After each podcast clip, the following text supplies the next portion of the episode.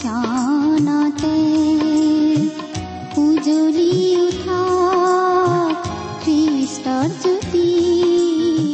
নমস্কাৰ আমাৰ মৰমীয়াল প্ৰভু যীশুৰ মহান নামেৰে আপোনাক এয়া ভক্তিবচন অনুষ্ঠানলৈ আদৰিছো।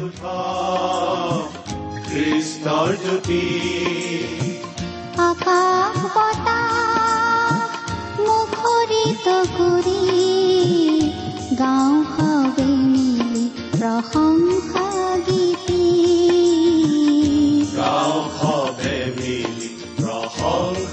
গীতি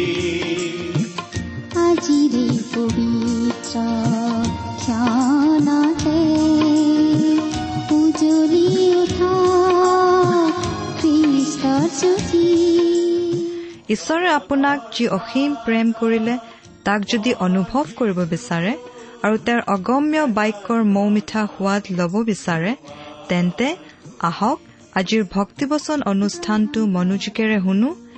এয়া আপোনালৈ আগবঢ়াইছো ঈশ্বৰৰ জীৱন্ত বাক্যৰ অনুষ্ঠান ভক্তিবচন। আমাৰ পৰম পবিত্ৰ প্ৰভু যীশুখ্ৰীষ্টৰ নামত নমস্কাৰ প্ৰিয় শ্ৰোতা। এয়া আকৌ আপোনালোকৰ ওচৰলৈ আহিছো বাইবেল অধ্যয়নৰ অসমীয়া অনুষ্ঠান ভক্তিবচনৰ যোগেৰে। আপোনাৰ ভালনে বাৰু? আশা কৰোঁ আমাৰ মহান পিতা পৰমেশ্বৰৰ মহান অনুগ্ৰহত আপুনি ভালে কুশলে আছে। প্ৰিয় শ্ৰোতা আপুনি আমাৰ এই অনুষ্ঠান নিয়মিতভাৱে শুনি আছেনে বাৰু? এতিয়া আপুনি নিশ্চয় এটা কথা ভাবিছে? এতিয়া চিঠি লিখাৰ কথা ক'ব আৰু। এৰা নোকোৱাকৈ যে আমি থাকিব নোৱাৰোঁ। কাৰণ আপোনালোকৰ পৰা চিঠি পত্ৰ পালেহে আমি গম পাওঁ যে আমাৰ এই পৰিশ্ৰম অথলে যোৱা নাই। অন্ততঃ কোনোবাই শুনিছে। এই অনুষ্ঠান শুনি আপোনাৰ উপকাৰ হোৱা বুলি গম পালে আমি অতি আনন্দ পাওঁ। দুগুণ উৎসাহেৰে কাম কৰি যোৱাৰ প্ৰেৰণা পাওঁ। গতিকে অনুগ্ৰহ কৰি আমাৰ ঠিকনাটো লিখি লওকচোন। আমাৰ ঠিকনা ভক্তিবচন টি ডব্লিউ আৰ ইণ্ডিয়া ডাক বাকচ নম্বৰ সাত শূন্য গুৱাহাটী সাত আঠ এক শূন্য শূন্য এক। ভক্তিবচন T W R India postbox number seventy Guwahati seven eight one zero' zero' one আমাৰ website W W W dot radio' eight eight two dot com আমালৈ অন্ততঃ দুষাৰি হলেও চিঠি এখন লিখি জনাওকচোন। এই অনুষ্ঠান শুনি আপুনি কেনে পাইছে? অৱশ্যে আপোনাৰ ঠিকনাটো লিখি পঠিয়াবলৈ যেন নাপাহৰে। প্ৰিয় শ্ৰোতা আপুনি বাৰু আমাৰ এই ভক্তিবচন অনুষ্ঠানটো নিয়মিতভাৱে শুনি আছেনে? যদি শুনি আছে তেনেহ'লে এই কথা আপুনি জানে। যে আমি আজি কিছুদিন ধৰি বাইবেলৰ নতুন নিয়ম খণ্ডৰ পিতৰৰ দ্বিতীয় পত্ৰ নামৰ পুস্তকখন অধ্যয়ন কৰি আছো। নহয়নে বাৰু? আমি যোৱা অনুষ্ঠানত এই দ্বিতীয় পিতৰ পুস্তকখনৰ দুই নম্বৰ অধ্যায়ৰ আঠ নম্বৰ পদলৈকে পঢ়ি আমাৰ আলোচনা আগবঢ়াইছিলোঁ। আজিৰ অনুষ্ঠানত আমি ন নম্বৰ পদৰ পৰা আমাৰ আলোচনা আৰম্ভ কৰিম। আহক আজিৰ বাইবেল অধ্যয়ন আৰম্ভ কৰাৰ আগতে পৰম পিতা পৰমেশ্বৰৰ ওচৰত প্ৰাৰ্থনাত মূৰ্ণত কৰোঁ হওক। আমি প্ৰাৰ্থনা কৰোঁ। স্বৰ্গত থকা আমাৰ অসীম দয়ালু পিতৃ ঈশ্বৰ তোমাৰ নামৰ ধন্যবাদ কৰোঁ। কাৰণ তুমি আমাক আকৌ এটা নতুন দিন দেখিবলৈ দিলা আৰু আকৌ এবাৰ তোমাৰ বাক্য অধ্যয়ন কৰিবলৈ এই সুযোগ দিলা। প্ৰভু তোমাক অশেষ ধন্যবাদ কিয়নো তোমাৰ প্ৰেম তোমাৰ কৰোণা অনুগ্ৰহ আৰু দয়া আমাৰ জীৱনত প্ৰকাশ কৰি আহিছা। প্ৰভু আমি অতি অযোগ্য অধাৰ্মিক লোক হলেও তুমি আমাক দলিয়াই পেলোৱা নাই। বৰং মৰমেৰে বুটলি লৈছা আঁকোৱালি লৈছা। তোমাৰ একমাত্ৰ পুত্ৰ যীশুখ্ৰীষ্টৰ যোগেদি আমালৈ অনন্ত জীৱনৰ অমূল্য দান বিনামূল্যে আগবঢ়াইছা। এতিয়া প্ৰভু তোমাৰ বাক্য অধ্যয়ন কৰি বুজি পাবলৈ তুমি আমাক সহায় কৰা। এই অনুষ্ঠানৰ প্ৰতিজন শ্ৰোতাক তুমি বিশেষভাৱে আশীৰ্বাদ কৰা। তেওঁলোকৰ প্ৰতিজনক তোমাৰ স্পষ্ট মাত শুনিবলৈ দিয়া। তেওঁলোকৰ জীৱনত তোমাৰ গৌৰৱ তোমাৰ মহিমা প্ৰকাশ কৰা। কিয়নো এই প্ৰাৰ্থনা আমাৰ মহান ত্ৰাণকৰ্তা মৃত্যুঞ্জয় প্ৰভু যীশুখ্ৰীষ্টৰ নামত অৰ্পণ কৰিলো। আমেন।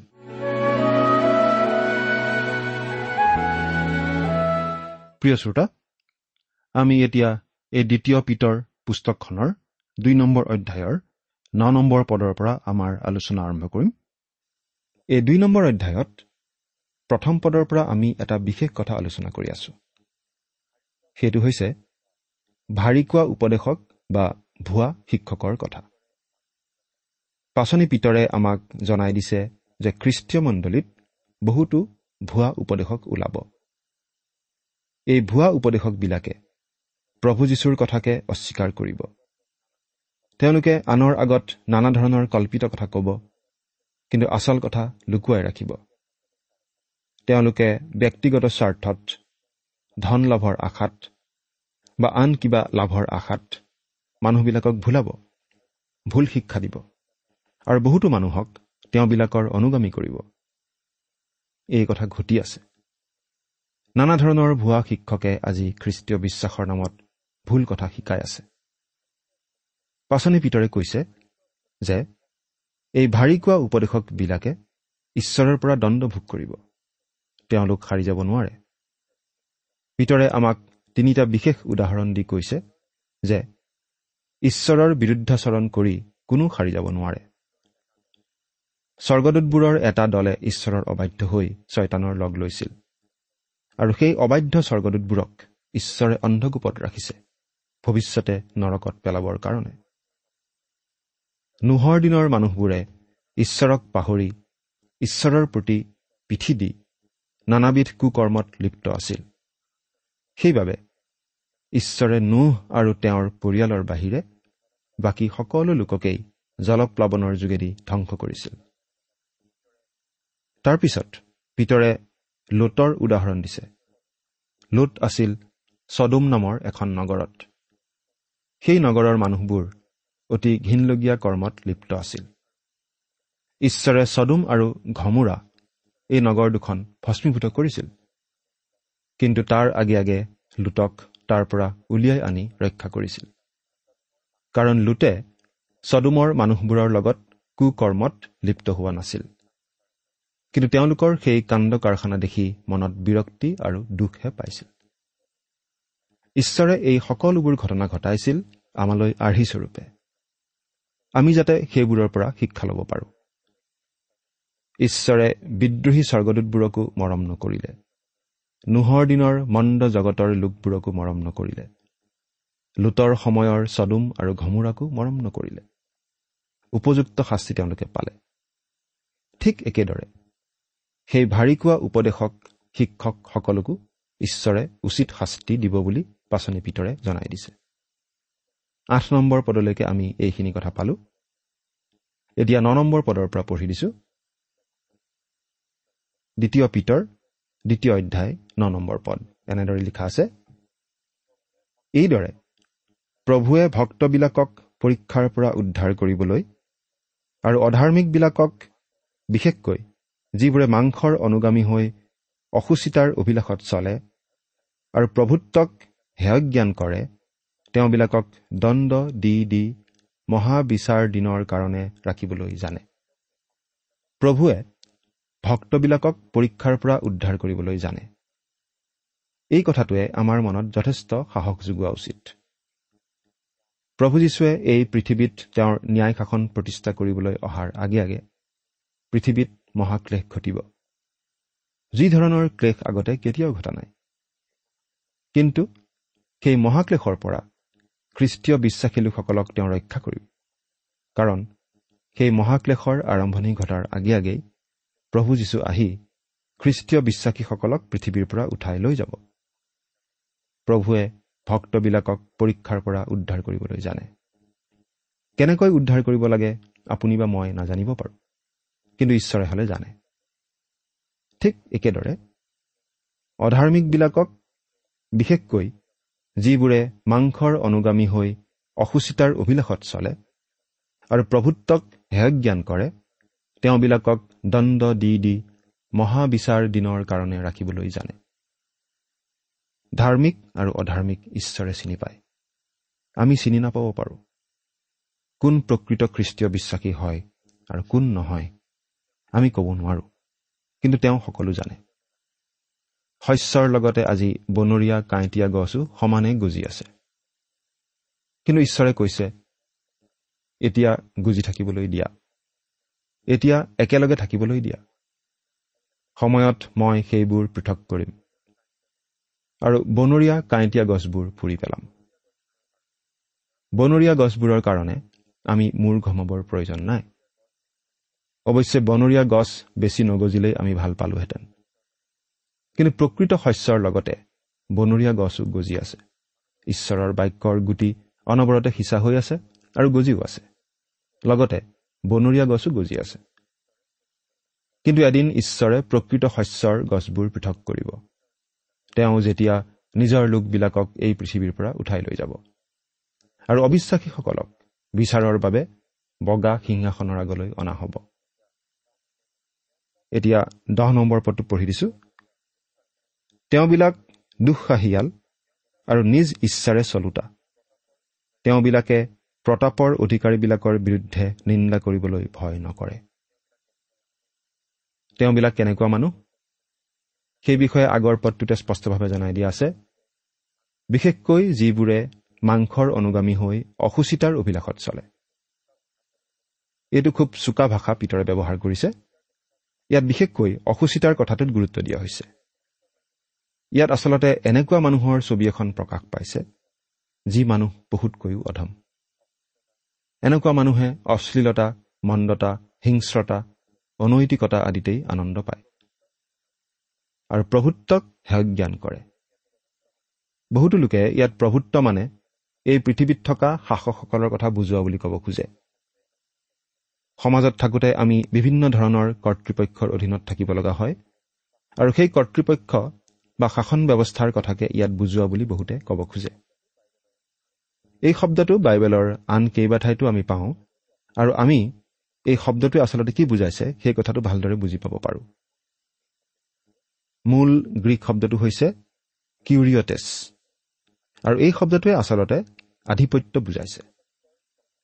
ইফিচিয়া পত্ৰৰ প্ৰথম অধ্যায়ত আৰু জিহুদা পত্ৰৰ আঠ নম্বৰ পদত প্ৰভুত্ব বুলি কোৱা হৈছে। ইফিচিয়া পত্ৰত এই শব্দটোৱে আত্মিক শাসন ব্যৱস্থাৰ কথা বুজাইছে।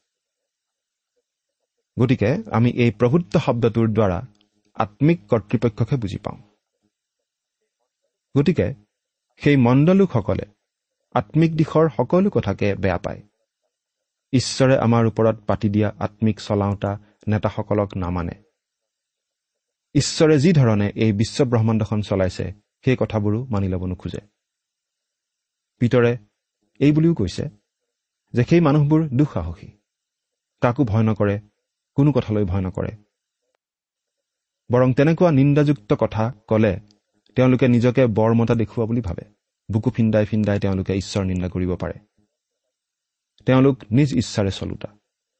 তেওঁলোকে কাৰো কথা নুশুনে ঈশ্বৰৰ কথাও নুশুনে। যি কৰিবলৈ মন যায় তাকে কৰে। তেওঁবিলাকে প্ৰতাপৰ অধিকাৰীবিলাকৰ বিৰুদ্ধে নিন্দা কৰিবলৈ ভয় নকৰে। তেওঁলোকে পবিত্ৰ সূচী বিষয়বোৰৰ বিৰুদ্ধে কথা কয়। বেয়া কথা কয়। প্ৰিয় শ্ৰোতা মানুহে যে অনাহক কথাতে ঈশ্বৰৰ নাম লৈ ঈশ্বৰক অপমানিত কৰে সেই কথাটো আমি প্ৰায়েই মন নকৰোঁ। কিন্তু পিতৰে কৈছে এই অধাৰ্মিক লোকবিলাকে ঈশ্বৰৰ নাম লৈ ঠাট্টা বিদ্ৰোপ কৰে ঈশ্বৰৰ প্ৰতি অৱজ্ঞাৰ ভাৱ দেখুৱায় ঈশ্বৰৰ ব্যৱস্থাৱলীৰ বিষয়ে অৱজ্ঞাৰ ভাৱ দেখুৱায়। খ্ৰীষ্টৰ প্ৰকৃত সেৱক পৰিচাৰক মণ্ডলীৰ পালক আদিকো ঠাট্টা মস্কৰাৰ বিষয় কৰি পেলায়। মুঠতে তেওঁলোকে একোলৈ ভয় নকৰে কাকো সন্মান নকৰে কাৰো প্ৰতি বাধ্য নহয়। সকলোকে কেৱল অৱমাননাহে কৰে। এঘাৰ নম্বৰ পদটো পঢ়ি দিছো। কিন্তু তেওঁবিলাকতকৈ বলৱন্ত আৰু পৰাক্ৰমী হোৱা যি স্বৰ্গদূতবিলাক তেওঁবিলাকেও প্ৰভুৰ আগত তেওঁবিলাকৰ বিৰুদ্ধে নিন্দাপূৰ্ণ বিচাৰ উপস্থিত নকৰে। ভুৱা শিক্ষক বা ভাৰী কোৱা উপদেশকবোৰ কেনেকুৱা সেই বিষয়ে আমি বহুখিনি কথাই বুজিলো। তেওঁলোক অতিপাত অহংকাৰী গৰ্বতে উফন্দি থাকে। আৰু তেওঁলোকে এনেকুৱা কাম কৰে যি কাম আনকি স্বৰ্গদূতবিলাকেও কৰিবলৈ সাহস নকৰে। জিহুদাই লিখা চুটি পত্ৰখনত আমি এটা গুৰুত্বপূৰ্ণ ঘটনাৰ উল্লেখ পাওঁ। প্ৰধান স্বৰ্গদূত মিখাইল আৰু ছয়তানৰ মাজত মুচিৰ দেহটোলৈ বাদানুবাদ চলিছিল। ছয়তানে বিচাৰিছিল মুচিয়ে যাতে পাছত প্ৰতিজ্ঞাৰ দেশত দেখা দিব নোৱাৰে। আমি জানো যে পাছত প্ৰভু যীশুৱে পৰ্বতৰ ওপৰত অন্য ৰূপ ধৰা সময়ত এলিয়া ভাৱবাদী আৰু মুচিও তাতে উপস্থিত হৈছিল। সেইটো ছয়তানে বিচৰা নাছিল আৰু সেইবাবে মিখাইল স্বৰ্গদূতৰ সৈতে বাদানুবাদ হৈছিল। মুচিক ঈশ্বৰেই কবৰ দিছিল। আৰু যিহুদাৰ পুস্তকত আমি পাওঁ যে মিখাইলে ছয়তানৰ বিৰুদ্ধে কোনো অভিযোগ অনা নাছিল কিন্তু তেওঁ ছয়তানক মাত্ৰ এই বুলিহে কৈছিল প্ৰভুৱে তোমাক ভৰ্চনা কৰক। যিহুদা ন নম্বৰ পদ। এই মনোবৃত্তি প্ৰতিজন খ্ৰীষ্টীয় বিশ্বাসীৰো হোৱা উচিত। নম্ৰতাৰ মনোবৃত্তি। অৰ্থাৎ সকলো কথা আমি ঈশ্বৰৰ হাততে এৰি দিব লাগে। আচলতে আমি অহংকাৰৰ বশৱৰ্তী হৈহে আনক নানা কথা শুনাব খোজো। আনকি ছয়তানৰ বিষয়েও নানা ধৰণৰ কুকথা কোৱাৰ আগতে আমি মনত পেলোৱা উচিত যে আনকি প্ৰধান স্বৰ্গদূত মিখাইলেও তেনেকুৱা কৰা নাছিল। আমিতো সাধাৰণ মানুহ। গতিকে আমি সাৱধান হোৱা উচিত। আমাক ইয়াত কোৱা হৈছে যে আনকি স্বৰ্গদূতবিলাকেও আনৰ বিষয়ে কোনো নিন্দাযুক্ত বিচাৰ প্ৰভুৰ আগত উপস্থিত নকৰে। আনকি বেয়া অধাৰ্মিক মানুহবোৰৰ বিষয়েও। কিন্তু সেই ভাৰী কোৱা উপদেশকবোৰে হ'লে কাৰো বিৰুদ্ধে কথা ক'বলৈ ভয় নকৰে কাৰণ তেওঁবিলাক অতি অধাৰ্মিক অতি অহংকাৰী। বাৰ নম্বৰ পদটো পঢ়ি দিছো। কিন্তু যি জ্ঞানহীন পশুবোৰ স্বভাৱ অনুসাৰে ধৰা পৰিবৰ আৰু ক্ষয় পাবৰ কাৰণে উৎপন্ন হ'ল। সেইবোৰৰ দৰে তেওঁবিলাকেও যিহক নুবুজে তাক নিন্দা কৰি নিজৰ ক্ষয়ত ক্ষয় পাই অধাৰ্মিকতাৰ বেজস্বৰূপে অপকাৰ পোৱা হ'ব। কিন্তু যি জ্ঞানহীন পশুবোৰ এই ভণ্ড লোকসকলক জ্ঞানহীন পশু বুলি কোৱা হৈছে। বনৰীয়া হিংস্ৰ জন্তুৰ নিচিনা বুলি কোৱা হৈছে। আজি বহুতো মানুহে ভাবে যে মানুহ পশুৰ পৰাই ক্ৰমাৎ উন্নত হৈ হৈ মানুহ ৰূপ পালে। অৱশ্যে এই ধাৰণাটো বিজ্ঞানসন্মত নহয়। কিন্তু পুৰণি নিয়ম আৰু নতুন নিয়মত আমি অতি পৰিষ্কাৰভাৱে দেখিবলৈ পাইছো যে মানুহে পশুতকৈও অধম হৈ থাকিব পাৰে। মানুহ একো জন্তুৰ পৰা উৎপন্ন হোৱা নাই। মানুহ মানুহেই আৰু মানুহ পশুৰ নিচিনাই অধম। কেৱল ঈশ্বৰেহে মানুহক উন্নত কৰিব পাৰে। কিন্তু যি জ্ঞানহীন পশুবোৰ স্বভাৱ অনুসাৰে ধৰা পৰিবৰ আৰু ক্ষয় পাবৰ কাৰণে উৎপন্ন হ'ল। সেই অধাৰ্মিক লোকসকল পশুৰ নিচিনা। পশুৰ নিচিনাই তেওঁলোক ধ্বংস হ'ব। তেওঁলোক সিমান তললৈ নামি গৈছে। সেইবোৰৰ দৰে তেওঁবিলাকেও যিহক নুবুজে তাক নিন্দা কৰি। এই কথাখিনি পিতৰে যদিও ভাৰীকুৱা উপদেশকবিলাকৰ বিষয়ে কৈছে তথাপি আন বহুতৰ ক্ষেত্ৰতেই এই কথাটো খাটে। প্ৰিয় শ্ৰোতা খ্ৰীষ্টীয় বিশ্বাসী হোৱাৰ পাছত এটা কথাত আমি খুব আচৰিত হ'ব লাগে। কি কথা জানেনে? বহুতো মানুহ খুব বুদ্ধিমান অতি উচ্চ শিক্ষিত প্ৰখৰ মেধাৱী। কিন্তু তেনেকুৱা বহুতো মানুহেও ঈশ্বৰৰ বাক্য বুজি নাপায়। এই কথা আমি প্ৰায়েই দেখি থাকোঁ। এবাৰ এজন বিখ্যাত লোকে আন এজন লোকক লৈ এখন খ্ৰীষ্টীয় সভাত উপস্থিত হ'ল। সেই সভাত এজন বিশ্ববিখ্যাত বাইবেল শিক্ষকে বক্তৃতা দিছিল। সভাৰ অন্তত সেই মানুহজনে লগৰ মানুহজনক ক'লে বক্তৃতা দিয়া মানুহজনে খুব সুন্দৰ কথা কয়। কিন্তু তেওঁনো কিহৰ বিষয়ে কথা কৈছিল? বহুতো মানুহে গীৰ্জা উপাসনাত যোগ দি থাকে কিন্তু ঈশ্বৰৰ বাক্য বুজিয়েই নাপায়। এইটো দুখ লগা কথা কিন্তু আচৰিত কথা নহয়। ইয়াত পিতৰে কৈছে যে সেই ভাৰী কোৱা উপদেশকবিলাকে যি কথা বুজি নাপায় সেই কথাকে নিন্দা কৰে। মানুহে খ্ৰীষ্টীয় বিশ্বাসৰ প্ৰকৃত সত্য বুজি নাপায় খ্ৰীষ্টীয় বিশ্বাসকে নিন্দা কৰা আমি প্ৰায়েই দেখি থাকোঁ। নিজৰ ক্ষয়ত ক্ষয় পায়।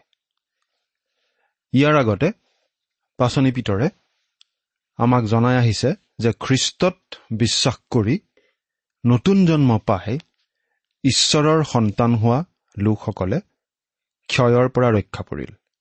কাৰণ তেওঁলোকে অক্ষয়নীয় বীজ অৰ্থাৎ ঈশ্বৰৰ বাক্যৰ পৰা জন্ম পালে। এই কথাটো আমি পঢ়িবলৈ পাইছিলোঁ প্ৰথম পিতৰ এক নম্বৰ অধ্যায়ৰ তেইছ নম্বৰ পদত। পাঠ কৰি দিম। কিয়নো তোমালোক ক্ষয়নীয় বীজৰ পৰা নহয় অক্ষয় বীজৰ পৰা। অৰ্থাৎ ঈশ্বৰৰ জীৱনময় আৰু চিৰস্থায়ী বাক্যৰ দ্বাৰাই পুনৰ জন্ম পোৱা হৈছা। প্ৰিয় শ্ৰোতা এই পৃথিৱীত সকলো ক্ষয় হয় সকলো লোপ পায়। কিন্তু প্ৰভু যীশুখ্ৰীষ্টত বিশ্বাস স্থাপন কৰি যিসকল লোক ঈশ্বৰৰ সন্তান হয় সেই লোকসকল হয় চিৰস্থায়ী। কাৰণ তেওঁলোকে যীশুখ্ৰীষ্টক গ্ৰহণ কৰি অনন্ত জীৱন লাভ কৰিছে। কেতিয়াও অন্ত নপৰা চিৰস্থায়ী জীৱন তেওঁলোকে লাভ কৰিছে। কিন্তু পাচনি পিতৰে ইয়াত এই কথাটো আমাক জনাই দিছে যে সেই ভাৰী কোৱা উপদেশক সেই অধাৰ্মিক লোকসকল কিন্তু ক্ষয়ৰ পৰা মুক্ত হোৱা নাই। কিছুমানে হয়তো প্ৰদূষণৰ পৰা হাত সাৰি আছে। অৰ্থাৎ কিছুমান হেৰাই থকা লোকে কয় মই ইমান ঘিন লগা কাম নকৰোঁ। মই এনেকুৱা বেয়া কাম কেতিয়াও নকৰোঁ। ইমান ঘিন লগা কাম হয়তো তেওঁ নকৰেও। সেই কথাত হয়তো সত্যতা আছে। তেনেকুৱা মানুহবিলাকে এই পৃথিৱীৰ মন্দতাৰ প্ৰদূষণৰ পৰা হয়তো হাত সাৰি আছে। কিন্তু তেওঁলোকে ক্ষয়ৰ পৰা হাত সাৰিব পৰা নাই। কাৰণ প্ৰভু যীশুখ্ৰীষ্টত বিশ্বাস স্থাপন কৰি ঈশ্বৰৰ কেতিয়াও ক্ষয় নোপোৱা কেতিয়াও নষ্ট নোহোৱা অক্ষয় বাক্যৰ দ্বাৰা নতুন জন্ম নোপোৱালৈকে কোনো মানুহেও কেতিয়াও ক্ষয়ৰ পৰা হাত সাৰিব নোৱাৰে। প্ৰিয় শ্ৰোতা বাহ্যিকভাৱে আমি দেখাত অতি ভাল অতি ধাৰ্মিক যেন হৈ থাকিব পাৰোঁ। কিন্তু ঈশ্বৰৰ সৈতে আমাৰ অন্তৰৰ সম্বন্ধ ঠিক নোহোৱা পৰ্যন্ত সকলো মিছা। অধাৰ্মিকতাৰ বেজস্বৰূপে অপকাৰ পোৱা হ'ব। সেই লোকসকলে নিজৰ অধাৰ্মিকতাৰ বেচ পাবই। সেই অধাৰ্মিকতাৰ শাস্তি তেওঁলোকে পাবই। ঈশ্বৰৰ বিচাৰৰ পৰা কোনো লোক কেতিয়াও সাৰি যাব নোৱাৰে। এতিয়া আমি তেৰ নম্বৰ পদটো পঢ়ি দিম। ইয়াত এনেদৰে লিখা আছে তেওঁবিলাকে দিনৰ উদৰ তৃপ্তিকে সুখ জ্ঞান কৰে।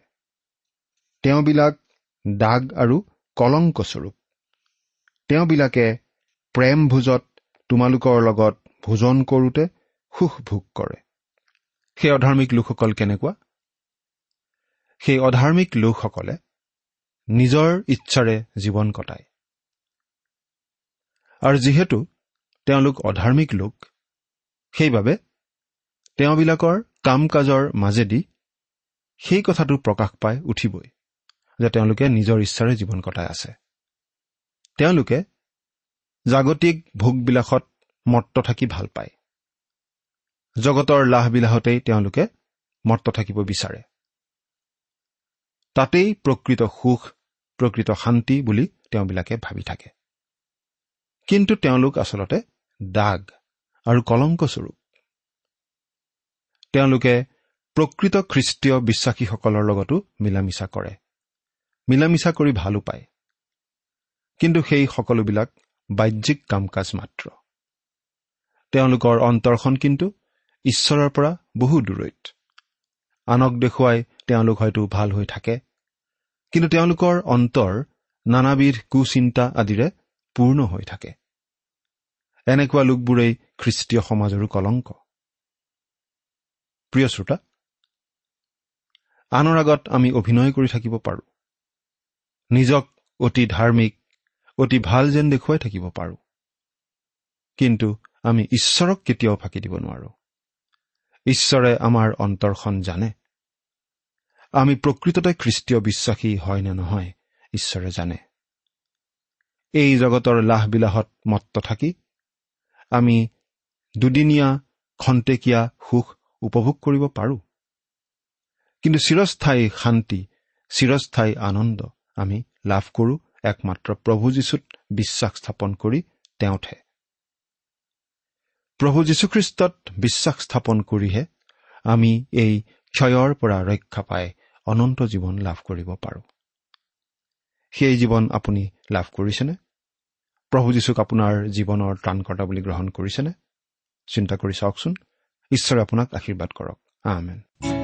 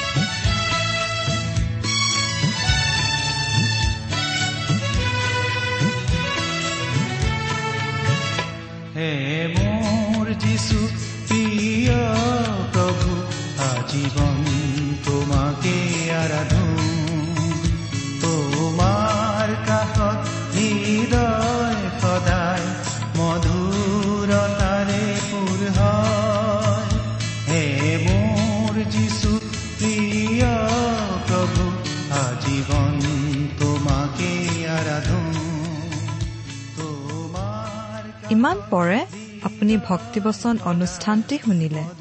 অনুষ্ঠানটি শুনি কেনে পালে? আমালৈ চিঠি লিখি জনাবচোন। অনুষ্ঠানত প্ৰচাৰ কৰা কোনো কথা বুজিব লগা থাকিলেও আমালৈ লিখক।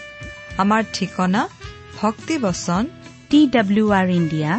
ডাক পাকচ নম্বৰ সাত শূন্য গুৱাহাটী সাত আঠ এক শূন্য শূন্য এক। ঠিকনাটো আৰু এবাৰ কৈছো ভক্তিবচন টি ডাব্লিউ আৰ ইণ্ডিয়া। ডাক পাকচ নম্বৰ সাত শূন্য গুৱাহাটী সাত আঠ এক শূন্য শূন্য এক। আপুনি ইমেইল যোগেৰেও আমাৰ সৈতে যোগাযোগ কৰিব পাৰে। আমাৰ ইমেইল আইডিটো হৈছে Assamese t TV at radio' eight eight two dot com. আইডিটো আকৌ এবাৰ কৈছো। Assamese t TV at radio' eight eight two dot com. আপুনি টেলিফোনৰ মাধ্যমেৰেও আমাক যোগাযোগ কৰিব পাৰে। আমাৰ টেলিফোন নম্বৰটো হৈছে শূন্য তিনি ছয় এক দুই ছয় শূন্য চাৰি ছয় সাত এক। ফোন নম্বৰটো আকৌ এবাৰ কৈছো zero' three six one two six zero' four six seven one. আজিৰ অনুষ্ঠানটি ইমানতে সামৰিছো। ঈশ্বৰৰ শান্তি আৰু অনুগ্ৰহ আপোনাৰ লগত থাকক। ধন্যবাদ। মধুৰতাৰে